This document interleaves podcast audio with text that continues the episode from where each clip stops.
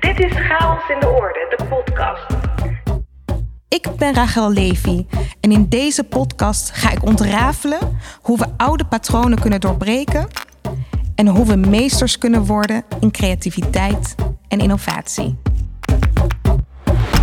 Impact maken, waarde toevoegen, iets tastbaars doen voor klanten, inwoners, leerlingen of de wereld. Is dat niet waarom we werken? Omdat we een verschil willen maken? We investeren een groot deel van onze tijd in werk. We brengen zelfs de meest vitale jaren van ons leven door op de arbeidsmarkt. En natuurlijk, dat doen we om brood op de plank te brengen, een dak boven ons hoofd te hebben, maar misschien toch ook voor iets diepers. Om impact te maken. In praktijk kun je je alleen zo verliezen in de inhoud van je werk dat de aandacht vooral uitgaat naar expertise. We vergeten dat inhoudelijke kennis en ontwikkeling niet genoeg is. De verpakking van die kennis en expertise is ook belangrijk. Welke verhalen vertel je om anderen mee te nemen? Hoe verpak je je boodschap op zo'n manier dat je de ander echt bereikt? Eva Brouwer is een van de meest gevraagde sprekers in Nederland als het gaat over charisma, autoriteit en impact. En een van de beste verhalenvertellers.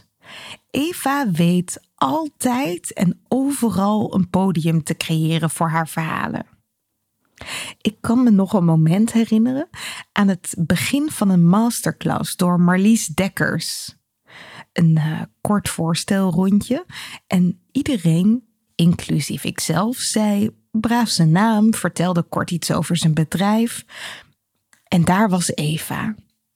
In een korte, smeuïge anekdote vertelde ze hoe ze werd afgewezen door John de Mol.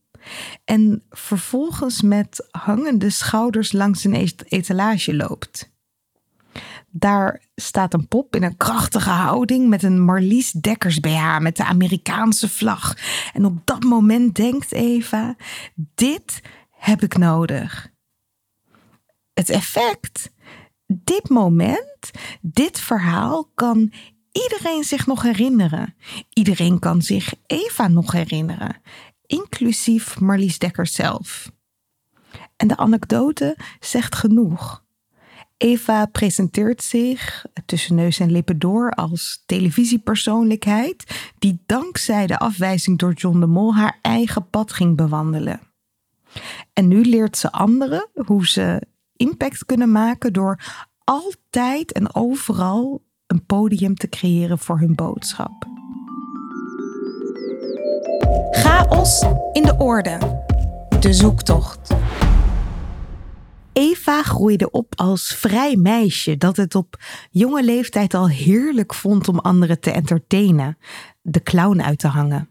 En pas vond ik in mijn kast een heel klein gymnastiekpakje, een soort balletpakje met zo'n tututje eraan, met engelenvleugeltjes. Dus die waren, en ik herinner me, ik heb toen als ik jaar zeven, deed ik mee aan uh, kindertoneel. En we gingen het boek Max en de Maxi Monsters naspelen. Nou, hoef ik jou niet te vertellen. Dat is uh, Max en de Maxi Monsters. Maar ik had bedacht, er moeten elfjes in. Dus ook de regisseur overtuigd, denk ik, moeten elfjes in. Ik heb tegen mijn moeder gezegd, man, met ijzerdraad en gaas, tulle, dan maak je zo vleugeltjes aan dat gympakje. Nou, ik, mijn moeder was eigenlijk een beetje een soort van, nou, oké, oké. Dus ik zag helemaal voor me hoe het moest. Ik heb dat, dat pakje heb ik dus nog. Dus het is een tutuutje met soort engelen, el, elfenvleugeltjes vleugeltjes eraan. Een, een tutuutje met elfenvleugeltjes eraan. En uh, ja, dat is dus ook een beetje exemplarisch blijkbaar voor, voor wie ik was. Een fantasierijk kind met een doortastend karakter. Toen al bezig met haar podium te pakken op haar eigen manier. Een groot deel van haar jeugd groeit ze op in Spijkenisse, een voorstad van Rotterdam. Eva's vader is ambtenaar, haar moeder geeft Duitse les. In Spijkenisse gaat ze op in het geheel. Het zijn de hoogtijdagen van de gabbertijd en Eva draagt, net als veel andere meisjes, een kuif. En dan, als Eva 12 is, gaat ze in Rotterdam naar het gymnasium. En dan kwam ik daar aan in een andere wereld. En dan bleek, hey, niemand heeft hier een kuif. Hey, die moet heel gauw plat. Wegwezen, wegwezen. Dus dat was wel dat ik wel beleefde van... Dat je schippert tussen twee werelden, als het ware. De Spijkenisse, ja, het was echt zo'n zo'n slaapstad, zo'n voorstad voor Rotterdam. Met alleen maar Phoenix-gebouwen.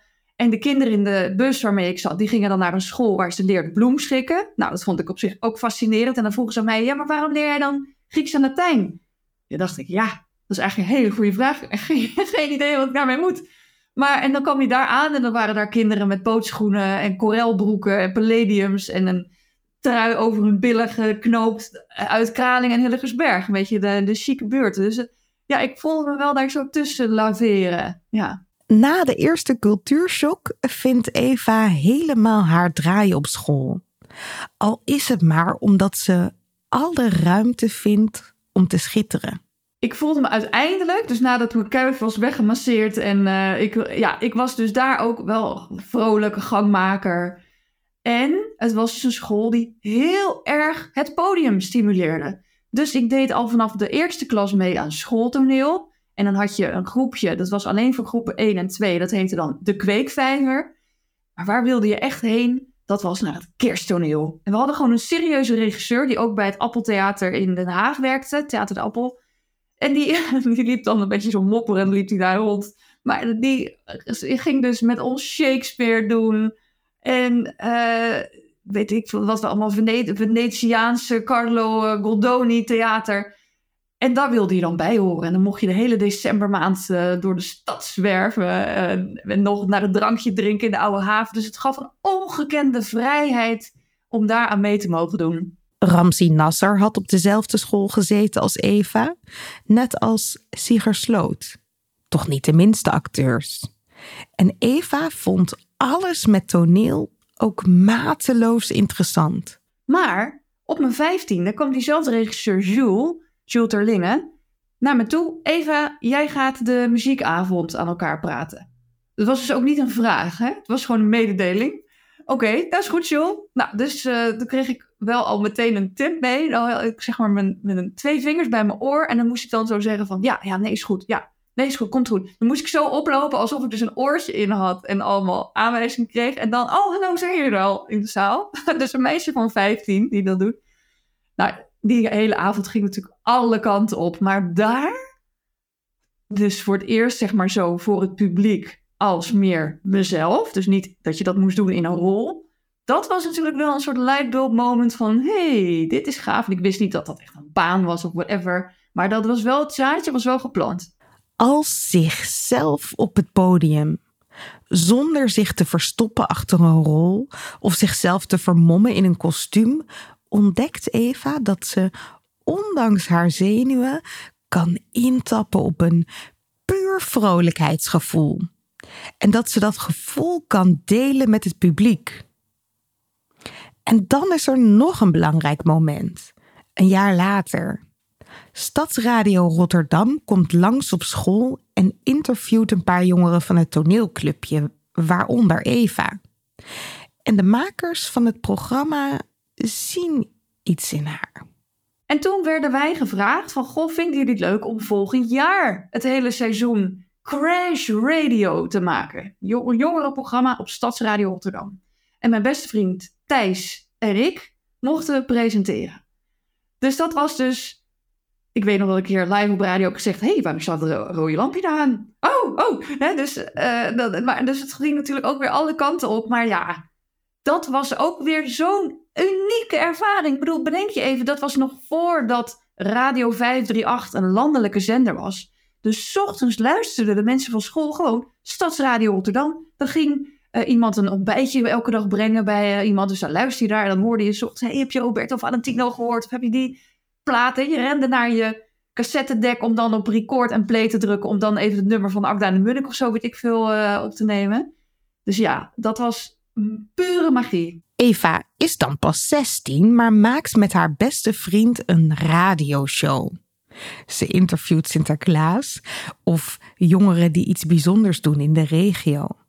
Ze bloeit hier helemaal van op en weet: ik wil iets doen in de media, in de journalistiek. Maar uiteindelijk koos ik heel bewust voor geschiedenis. Dat kwam ook misschien een beetje door mijn vader. Die zei ook van dat is een studie waar je alle kanten mee op kan. En ik moet zeggen dat de, de school van journalistiek was heel massaal. En dan ging je ook een krantje, krantje knippen bijvoorbeeld. Maar ja, ik had zelf ook wel het gevoel dat ik bij geschiedenis ook nog wat meer een basis zou kunnen krijgen. En ze noemen journalistiek wel de geschiedenis van de dag. Journalistiek als de geschiedenis van de dag. Verhalen die ertoe doen onderzoeken en vertellen. Verhalen die je roepen en die overal over kunnen gaan. Geschiedenis gaat niet alleen over feiten en cijfers. Geschiedenis gaat over verhalen tot leven brengen. Dus je begint natuurlijk allemaal, word je als het ware in de grote zaal gedreven. En dan leer je gewoon Romeinen en middeleeuwen, whatever. Maar gaandeweg ga je specialiseren. En dan is geschiedenis dus echt iets heel fascinerends. Want als jij houdt van de Beatles, kan je de geschiedenis van de Beatles doen. Of een geschiedenis van mondkapsels in de jaren 60. Of uh, weet ik veel, geschiedenis van innovatie uh, in, hè, in jouw geval. En ik heb dus uiteindelijk, ben ik afgestudeerd op een modeontwerpster uit de jaren 30. Een tijdgenote van Chanel in Parijs, Elsa Schiaparelli. Die samenwerkte met uh, surrealisten. Dus ja, binnen dat enorme vak geschiedenis kun je dus helemaal je eigen draai eraan geven en je eigen interesses uh, laten terugkomen. Eva volgt haar persoonlijke interesses en gaat op zoek naar de verhalen achter de onderwerpen die haar fascineren. En die Warhol, dissidentenkunst in Rusland, actrices in de 19e eeuw in Nederland, extravagante onderwerpen.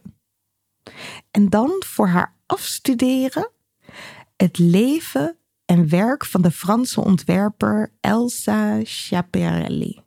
Getipt door een docent. Omdat hij natuurlijk ook zag dat ik, ik hou heel erg van kleur. Ik ben uh, zelf ook wel flamboyant type.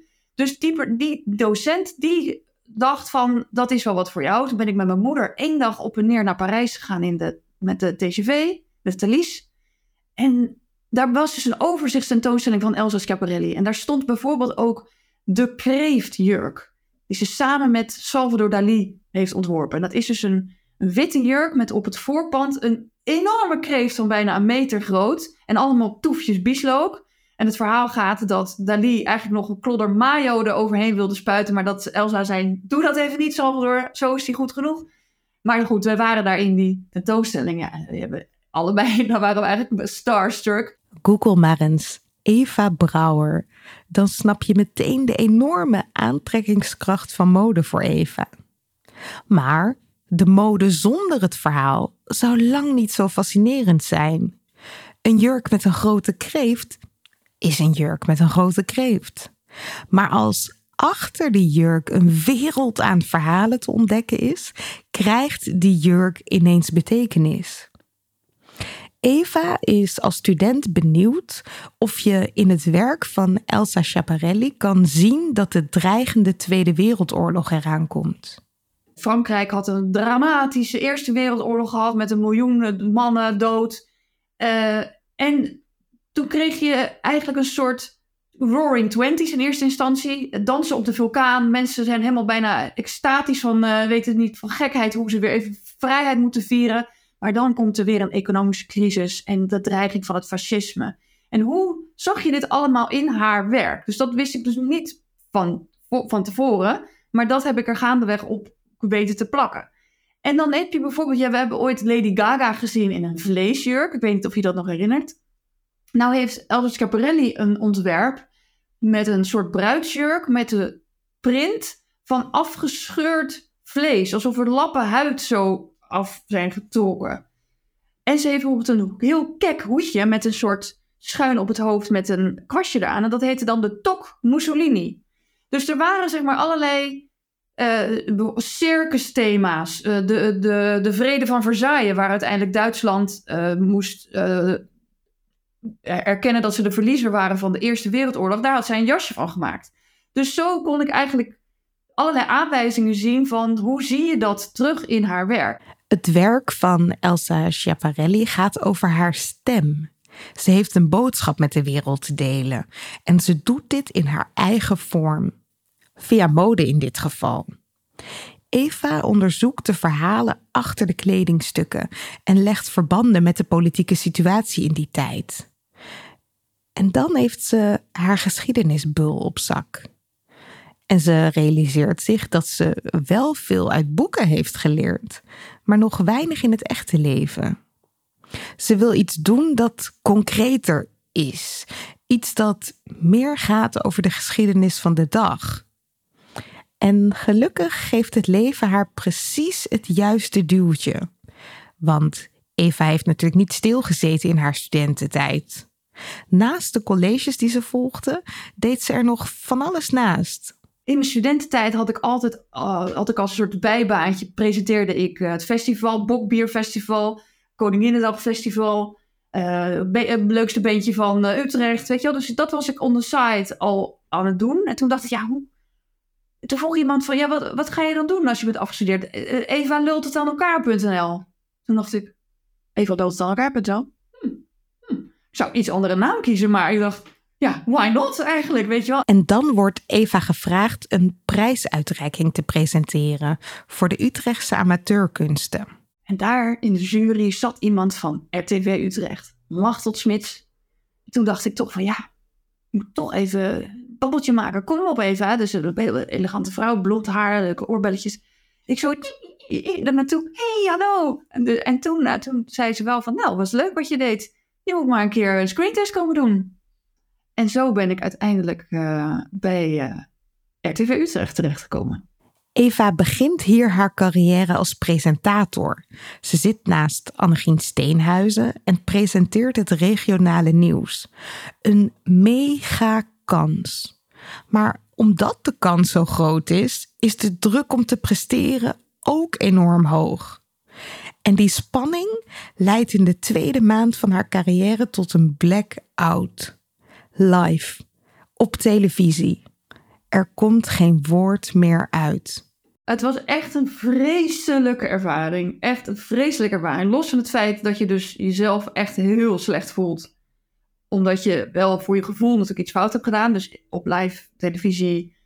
Ja, en dat voor mijn gevoel duurt dat moment dan dat je zo stamelt. Uh, uh, dat duurt dan anderhalf uur. En toevallig was net waarschijnlijk iemand een bakje pinda's halen. Hebben ze niet eens gehoord. Maar het, er was wel duidelijk iets wat ik heel toch te nerveus was. Uh, dat was ook zo. Ik voel, ik, dan zei mijn collega Annegien Steenhuizen, die nu bij de NOS zit, zei, joh, relax. En dan dacht ik, relax, relax. Ik moet zo de burgemeester van Bunschoten Spakenburg interviewen. Hè? Ben je gek? Dus ik, er zat gewoon inderdaad enorme druk op. Nu denk je misschien, ach, zo'n blackout kan gebeuren. Zeker als je nog weinig ervaring hebt. Maar de media is een harde wereld en Eva wordt direct van de buis gehaald. En dat niet alleen. Door ziekte van iemand op de set moet ze een week later de autocue draaien voor haar opvolger. Ik weet nog dat ik die avond thuis kwam, echt, moest ik zo huilen, vond ik mezelf zo zielig. En dan denk je dus ook van, ik had een kans en die heb ik gewoon door mijn vingers laten glippen. Eva moet weer van onderop beginnen op de redactie. Ze werkt zich het schompus. Gelukkig komt er een tweede kans en mag ze terug voor de camera. Ze presenteert het regionieuws en leert zich te ontspannen in de studio voor de camera's. Maar dan realiseert ze zich dat waar ze al die tijd naar heeft verlangd, eigenlijk tegenvalt. Deze realisatie komt op het moment dat ze zichzelf een item hoort presenteren. En dat item heet konijnhop. Dat ging over hoe konijntjes over een hekje sprongen. En een trainster ernaast die zei: Ja, heel goed, op, op. En, en die kinderen moesten dan met hun konijntje over een hekje om, om ze wat minder verwaarloosd in hun hok te laten. En daar zat ik naar te kijken en toen dacht ik eigenlijk bij mezelf: Seriously? wat, wat ben ik hier aan het doen? Uh, dus ja, daar ging toen een beetje het gevoel van: ik heb, ik heb een bepaald talent, ik heb een bepaalde drive, maar waar zet ik dat nu voor in? En dat was wel een soort katalysator voordat ik dacht van ja, dan zou ik het eigenlijk ja, ik wist het niet. Ik wist helemaal niet wat ik wilde, alleen iets. Dus dan heb ik echt een ziljoen URL's aangemaakt. Museum, muze, hipstorica. En dan zag ik mezelf als een soort geschiedenisblogger, weet je wel. Ik wist het niet. En uiteindelijk dacht ik echt uit bijna pure wanhoop... Nou, dan maar presenteren. Dat kan ik in ieder geval. Dat kan ze zeker. Eva wordt binnen no time een van de meest gevraagde dagvoorzitters in Nederland. Ze is een opvallende verschijning die met humor en scherpte presenteert. En ze krijgt steeds vaker de vraag van anderen: hoe kan ik zelf ook beter leren presenteren? Het blijkt dat veel mensen enorm opzien tegen presentaties in hun werk. En ook ondernemers vinden het lastig om hun verhaal goed onder woorden te brengen. Eva begint haar ervaringen om te zetten in trainingen. Ze schrijft boeken over presenteren en zet Pak je podium op. Met opleidingen die gericht zijn op impact maken met je expertise. Want experts zijn vaak inhoudelijk heel goed onderlegd, maar ze hebben geen idee hoe ze hun boodschap op een inspirerende, charismatische manier kunnen overbrengen. Omdat mensen dan op zo'n podium gaan staan en dan ineens in een soort fuik van deskundigheid vallen van oh, ik moet nu heel serieus zijn. Of ik moet nu in mijn rol zijn, dus ik kan me geen frivoliteit veroorloven. Dus ja, je verandert er, velen veranderen in een soort robot. Dat herken je misschien wel. Als je iets vertelt over je werk, begin je ineens in zakelijke, afstandelijke woorden en zinnen te praten. Waarmee je ook afstand creëert tot je publiek.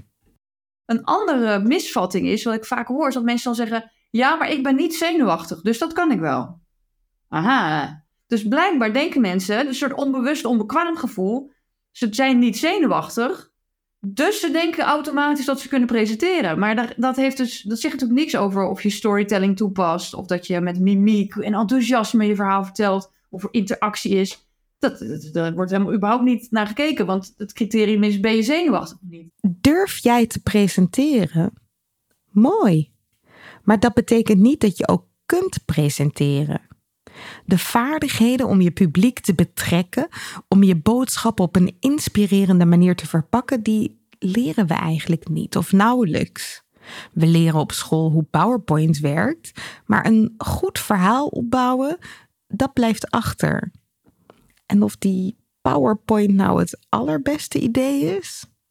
De uren die ik als dagvoorzitter in een zaal heb zitten afsterven doordat ik mensen eindeloos op een spatiebalk zag drukken naar de volgende slide. Oh, vreselijk. En dan vooral, ja, let maar niet op dit stukje hoor. Het gaat om dit stukje. Ja, dan zie je die hele zaal juist naar dat andere stukje kijken. Oh, oh, oh, wat mogen we niet zien dan?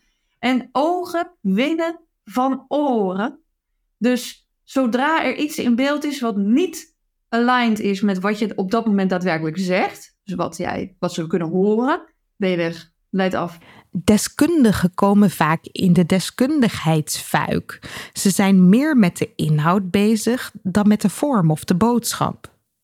Eva ziet dat er nog een wereld te winnen is voor experts en professionals die impact willen maken met de inhoud van hun werk. Want die inhoud kan nog zo goed zijn, maar als je met die inhoud niet je podiummomenten pakt, of als je de zeldzame podiummomenten niet goed gebruikt, laat je enorme kansen liggen.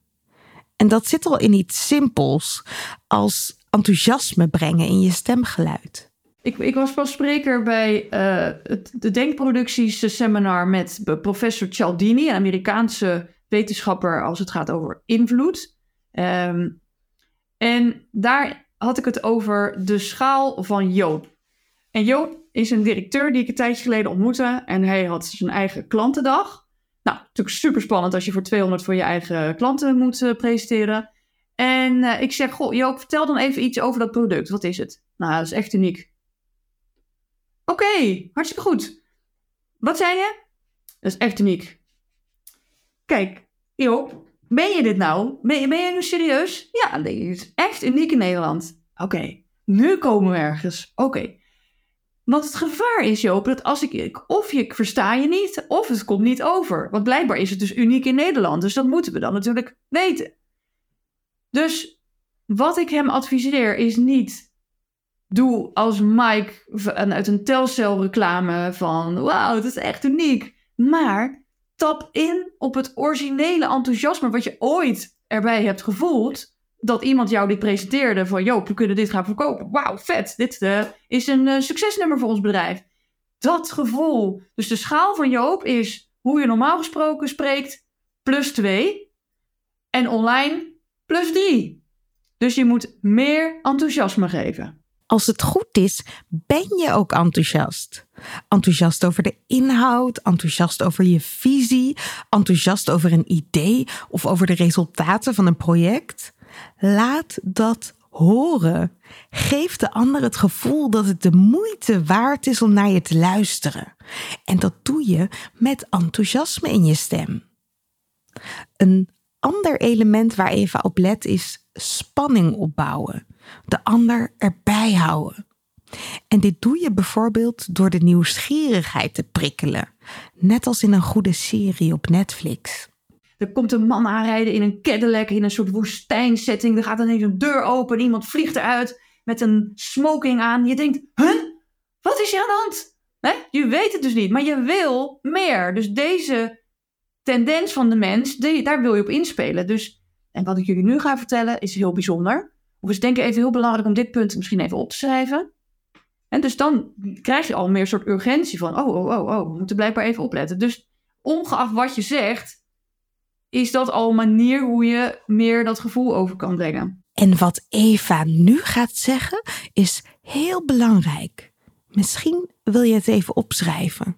Het persoonlijke verhaal hoe belangrijk is dat? Ja, dat kan ik natuurlijk niet genoeg onderstrepen. Maar ik hoop dat als mensen deze podcast luisteren, misschien kan je van vooraf aan nog een keer luisteren. En bedenken hoeveel persoonlijke anekdotes ik hierin heb gestopt. Waarin ik ook heb geprobeerd om een beetje een scènetje neer te zetten of details te geven. Waarom doe ik dat? Om jou het beeld letterlijk voor ogen te krijgen. Je moet het voor je kunnen zien om überhaupt ergens mee naartoe genomen te kunnen worden. Snap je? Dus als mensen het hebben over visie, ja, dat is natuurlijk een prachtig woord, visie, maar het betekent natuurlijk letterlijk dat wat we voor ons zien. Dus schets dat plaatje dan. Een plaatje schetsen om de ander mee te nemen. Laten zien wat jij ziet. Het belang van iets onderstrepen met een verhaal waarin de ander zich herkent. En dat gaat beter met kleine persoonlijke verhalen dan met abstracte, afstandelijke taal. Het persoonlijke is het meest algemene. Nou, het, is niet, het is natuurlijk niet heel poëtisch, maar wat, iets wat dus eigenlijk heel particulier voor jou is, van verdriet tot blijdschap. Kijk, ik heb een blackout op tv gehad. Jij niet misschien. Maar er is vast een moment geweest dat je zelf ook of een blackout hebt gehad, of het gevoel had gehad van je kreeg een kans en je liet hem door je vingers glippen. Dat zijn universele emoties. Dus die hele particuliere situatie roept een universele emotie op. En daar wil je, die wil je delen, zodat we allemaal met onze hersenen die emotie voelen. Je ziet als iemand een verhaal vertelt, dat iemand die dat aanhoort, diezelfde emoties in zijn hersenen zie, vertoont. Dat is fantastisch? Iemand die naar jouw verhaal luistert, ervaart dezelfde emoties. En emoties zorgen ervoor dat iemand zich betrokken en verbonden voelt met jouw boodschap. In tegenstelling tot een presentatie met een tsunami aan slides met feiten, cijfers en informatie. Probeer met het eind voor ogen te starten, zegt Eva, en werk daar naartoe met een verhaal dat ook een persoonlijke verbinding heeft. Of je nu in een gewone vergadering het woord neemt of krijgt, of dat je officieel een presentatie mag geven. En ik noem dat dan het bitterbalmoment. Dus dit gaat eventjes over of een presentatie, maar natuurlijk ook een vergadering. Wat wil je graag dat ze aan het einde van die vergadering nog met elkaar bespreken tijdens de bol met de bitterbal?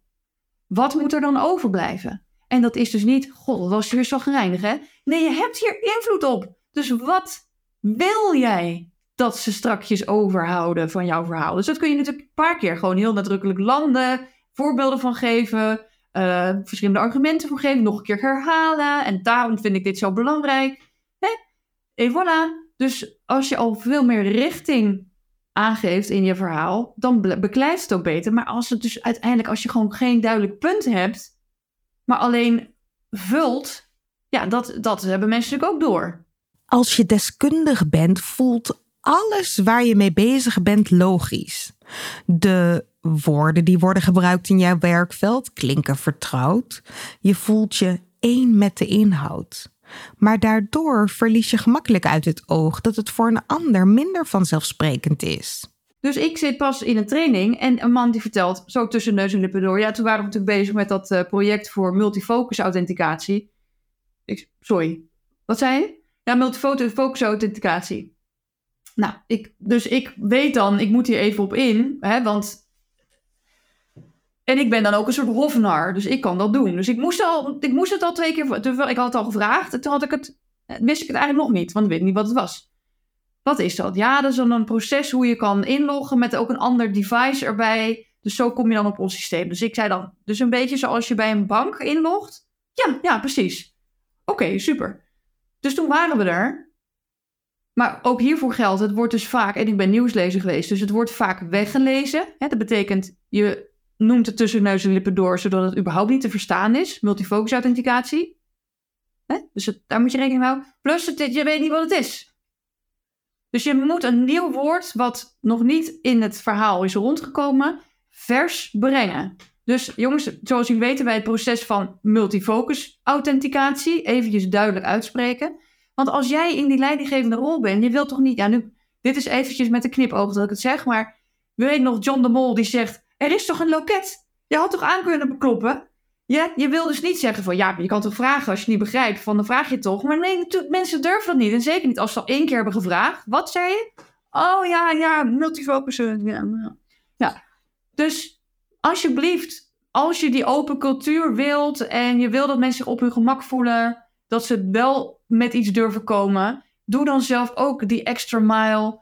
Maak het dan duidelijk. En dan is een voorbeeld of een metafoor of een analogie van, je weet wel hoe je bij een bank uh, inlogt, klaar ben je. Jouw persoonlijke ervaring is universeel. Omdat de emoties, verlangens, pijn en frustraties die jij ervaart ook herkenbaar zijn voor de ander.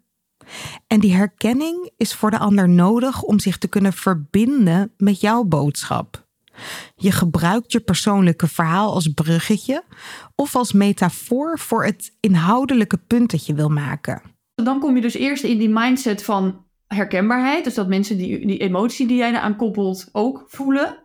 En dan is er natuurlijk al veel meer meegaand. Uh, hè? Er is al veel meer flexibiliteit om mee te gaan in jouw verhaal. Kijk, ik heb hier, ik heb hier toevallig. Ik kom bij de Primera gisteren om een pakketje weg te brengen en voetbalkaartjes voor mijn zoontje. En wat vind ik in het schap naast de Donald Duck? De Harvard Business Review. Nou, die heb ik nog nooit gekocht, maar daar alleen al door het kopen voel ik me dus nu echt super slim. En wat staat er op de cover? En daarom heb ik hem gekocht. Storytelling that drives bold change. How to inspire and motivate your organization to achieve its ambitions. En dan staat erin dat we er sowieso van uit kunnen gaan dat 70% van alle veranderplannen mislukt. Maar als er dan één tool is die je kan gebruiken, is het om een goed verhaal te vertellen dat ook positief is, toekomstgericht, op mensen mee te nemen. Waarom mislukken de meeste veranderplannen? Omdat ze de intrinsieke motivatie om te veranderen niet aanboren. En juist daar komen verhalen om de hoek kijken. Echte verhalen, persoonlijke verhalen. Waarin mensen zichzelf herkennen, zodat ze zichzelf ook kunnen zien in relatie tot de verandering die jij voorstelt. Of tot het punt dat je wil maken. En natuurlijk mag je daarin uiteindelijk bepaalde punten maken. Hè? Dus welke stappen hebben wij te zetten? Uh, welke fases moeten we doorlopen? Maar ook daarvoor kun je bijvoorbeeld steeds een voorbeeld geven. Dus ik was gisteren aan het werk met een vrouw voor een keynote. Zij had het over duurzame promotieartikelen. Dus dan vraag ik meteen: geef me eens een voorbeeld van een duurzaam promotieartikel. Als ik dat niet doe, blijft het natuurlijk vaag. Dus je hebt het over her herbruikbare uh, plastic flessen. Maar in dit geval ging het over een wijnkist die je kan uitklappen. En je wordt nu ook mijn stem vertraag, alsof er dus nu echt iets heel bijzonders gaat gebeuren. Ja, dat is ook zo. Want je klapt hem open en het wordt een dambord. Dus dan kan je hem nog eeuwig gebruiken. Dus het ging over wat is eigenlijk de impact van jouw product ook nadat het gebruikt is. En als ik dat zeg, wat is de impact van jouw product nadat het gebruikt is? Ja, de impact, nee, maar het is heel duurzaam. Bla Allemaal vaagtaal, vaagtaal, vaagtaal. Als ik dan vraag, goh, en hoe zit het dan met die kist die uitklapt tot een dambord? Dan heb je al iets om mee te werken. Dus dan begrijp je dat het of nou over die fles of over dat dambord gaat, dat het iemand heeft in zijn handen. En dat, wat gebeurt er dan mee? Dat maakt het gewoon concreter. Hoe concreter, hoe beter. En dat betekent niet dat je preciezer moet zijn in alle details en specificaties. Nee, juist niet. Die maken het complex en leiden af van de grotere boodschap. Je maakt het juist concreet door persoonlijker te zijn. Dus prima, multifocus authenticatie, zo heet het blijkbaar. Oké, zo heet, heet de software blijkbaar prima. Maar hij vertelde daarna een heel cool verhaal over dat hij dus het heeft geïnstalleerd en dat hij ochtends wakker werd en wist van nou, vandaag was die day. Hè? Heb ik nu allemaal meldingen op mijn telefoon van mensen die zeggen, ik kan niet inloggen, wat is dit, wat is dit? En hij keek op zijn telefoon, hm, helemaal niks. Hé, hey, tegen tienen, nog steeds niks gehoord. Dat is interessant, hij belt met de, hoe gaat het met de inloggen? Nee, ja, er was één iemand die was zijn telefoon kwijt, maar verder helemaal prima. Het gaat helemaal soepel. Nou, hoe leuk is dat? Dus dan heb je dus veel meer het, de, het proces van die installatie en wat de impact was en hoe lang ze daar naartoe hebben geleefd. En dat maakt het dan ook weer veel sympathieker. Beelden winnen het van feiten. Verhalen winnen het van processen. En kleine tastbare scènes winnen van het grotere verhaal. En denk niet alleen aan succesverhalen. Juist niet. Een tijd geleden moest ik topzwemster Inge de Bruin interviewen op het podium. Nou, vond ik ook best wel spannend. Het is natuurlijk best wel een, eh, een legende. Hè? Ze kwam ook aanlopen, helemaal in het wit gekleed, nog steeds die lange blonde manen, een super stralende glimlach. En ze begint met haar plakken, haar medailles, op een tafeltje neer te leggen, zodat de hele zaal die kan zien. Brons, zilver, goud. En ze gaat vertellen, we gaan uh, in gesprek. En het grappige is dat wat mij eigenlijk het meeste bijblijft van die dag, dus niet die medailles zijn, maar iets anders wat ze eigenlijk een beetje zo tussen neus en lippen, lippen door vertelt. Ze beschrijft dat ze tien jaar lang in Amerika een Spartaanse training volgt bij een wondercoach. Elke ochtend om vijf uur gaat de wekker het bad in, het krachthok in. En dan s'avonds zit ze helemaal uitgeblust in haar eentje op haar hotelkamer. En dan eet ze een bakje opwarmpasta voor de televisie. En dan heb je dus het verhaal van die grootheid. Nog steeds de meest succesvolle zomer-Olympiër van Nederland aller tijden. Met dat bakje opwarmpasta. En dat is dan zo symbolisch voor alle opofferingen die ze heeft gemaakt. Geweldig. Dus mijn vraag aan jou is: wat is jouw bakje opwarmpasta? Wat is niet zozeer jouw succes, maar wat is de weg er naartoe? Want dat is veel interessanter. Vaak denken mensen dat ze geen verhalen hebben, omdat ze geen grote life-changing momenten kunnen bedenken. We denken al snel dat je een bijna doodervaring moet hebben gehad of Olympisch goud moet hebben gewonnen om een goed verhaal te hebben. Maar het zijn juist de alledaagse verhalen waarin herkenning ontstaat. Het bakje opwarmpasta van Inge, de blackout van Eva, de IT-manager die zich zorgen maakt omdat er geen paniekerige appjes binnenkomen. Zulke verhalen hebben we allemaal. Het hoeft niet groot en meeslepend te zijn, als je het maar brengt met charisma. Charisma is ook gewoon vaak lachen contact maken en een opgeheven hoofd hebben, hoe gênant het ook is wat je doet. Dus als jij morgen een djembe workshop hebt met je team, dan ga je natuurlijk van binnen afsterven van gêne, dat je echt denkt, oh, wie heeft dit geboekt, seriously. Maar je doet een grijns op je gezicht en je trommelt alsof je leven ervan afhangt. Je maakt sfeer, vrolijkheid, je zorgt dat iedereen zich jou kan spiegelen van nou, als hij het doet, dan, dan ga ik ook wel lekker mee. In plaats van flauwe grapjes maken. Dus dat is charisma. Dat je ook al sta je dus echt iets heel awkwards te doen. Denk aan Maxima op een Segway. Dus ik zeg altijd, wees als een koekhappende maxima. Een gratie en elegantie, ongeacht dat je eigenlijk iets sufs moet doen. Als jij je bescheten gedraagt, dan komt het ook bescheten over. Creëer komende week voor jezelf eens een podium. Tijdens een overleg, tijdens de lunch of op een ander moment. En vertel een klein verhaal, maar met de gratie van Maxima. Grijp je kans en koppel er een inhoudelijk punt aan. Deel bijvoorbeeld je geweldige restaurantervaring om een punt te maken over klantvriendelijkheid in jouw organisatie. Of deel het verhaal hoe je langs de kant stond in de regen bij het voetbalveld, maar bewondering had voor de manier waarop die kinderen door weer en wind voor de winst gingen. En welke les je daaraan koppelt voor je eigen team. Deel een verhaal, deel een boodschap. Niet iedereen zit op jou te wachten, maar sommigen zitten om jou te springen. En daar doe je het voor. Chaos in de orde. De zoektocht. Het verhaal van Eva Brouwer laat zien dat een podium niet is voorbehouden aan artiesten, politici of directeuren. Een podium is een moment waarop je de aandacht naar je toe trekt en vasthoudt, met als doel je boodschap kracht bij te zetten. Als jij in staat bent zo'n podium voor jezelf te creëren, in de vergaderzaal, in een teamsmeeting of bij het koffieautomaat, gaat jouw boodschap leven bij anderen. En als jouw boodschap bij anderen leeft, is de kans groter dat je medewerking krijgt of steun. En daarmee vergroot je je impact. Storytelling werkt, want verhalen zorgen voor betere retentie. Dat betekent dat mensen verhalen veel beter onthouden en kunnen oproepen dan droge feiten.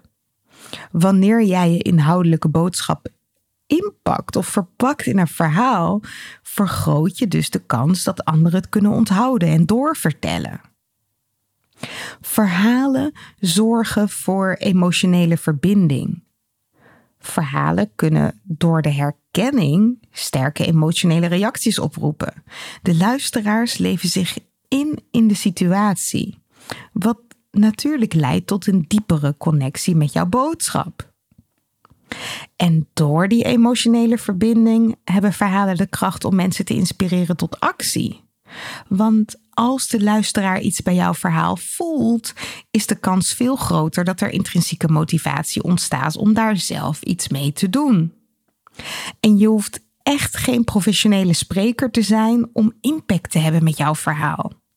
Ook met de kleinste persoonlijke ervaringen kun jij jouw boodschap kracht bijzetten.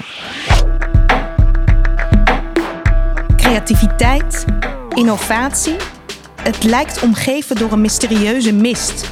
Een geheim voor briljante breinen en getalenteerde kunstenaars. En toch, het moet toch voor iedereen toegankelijk zijn? Aflevering voor aflevering graaf ik steeds een stukje dieper. Ben jij enthousiast?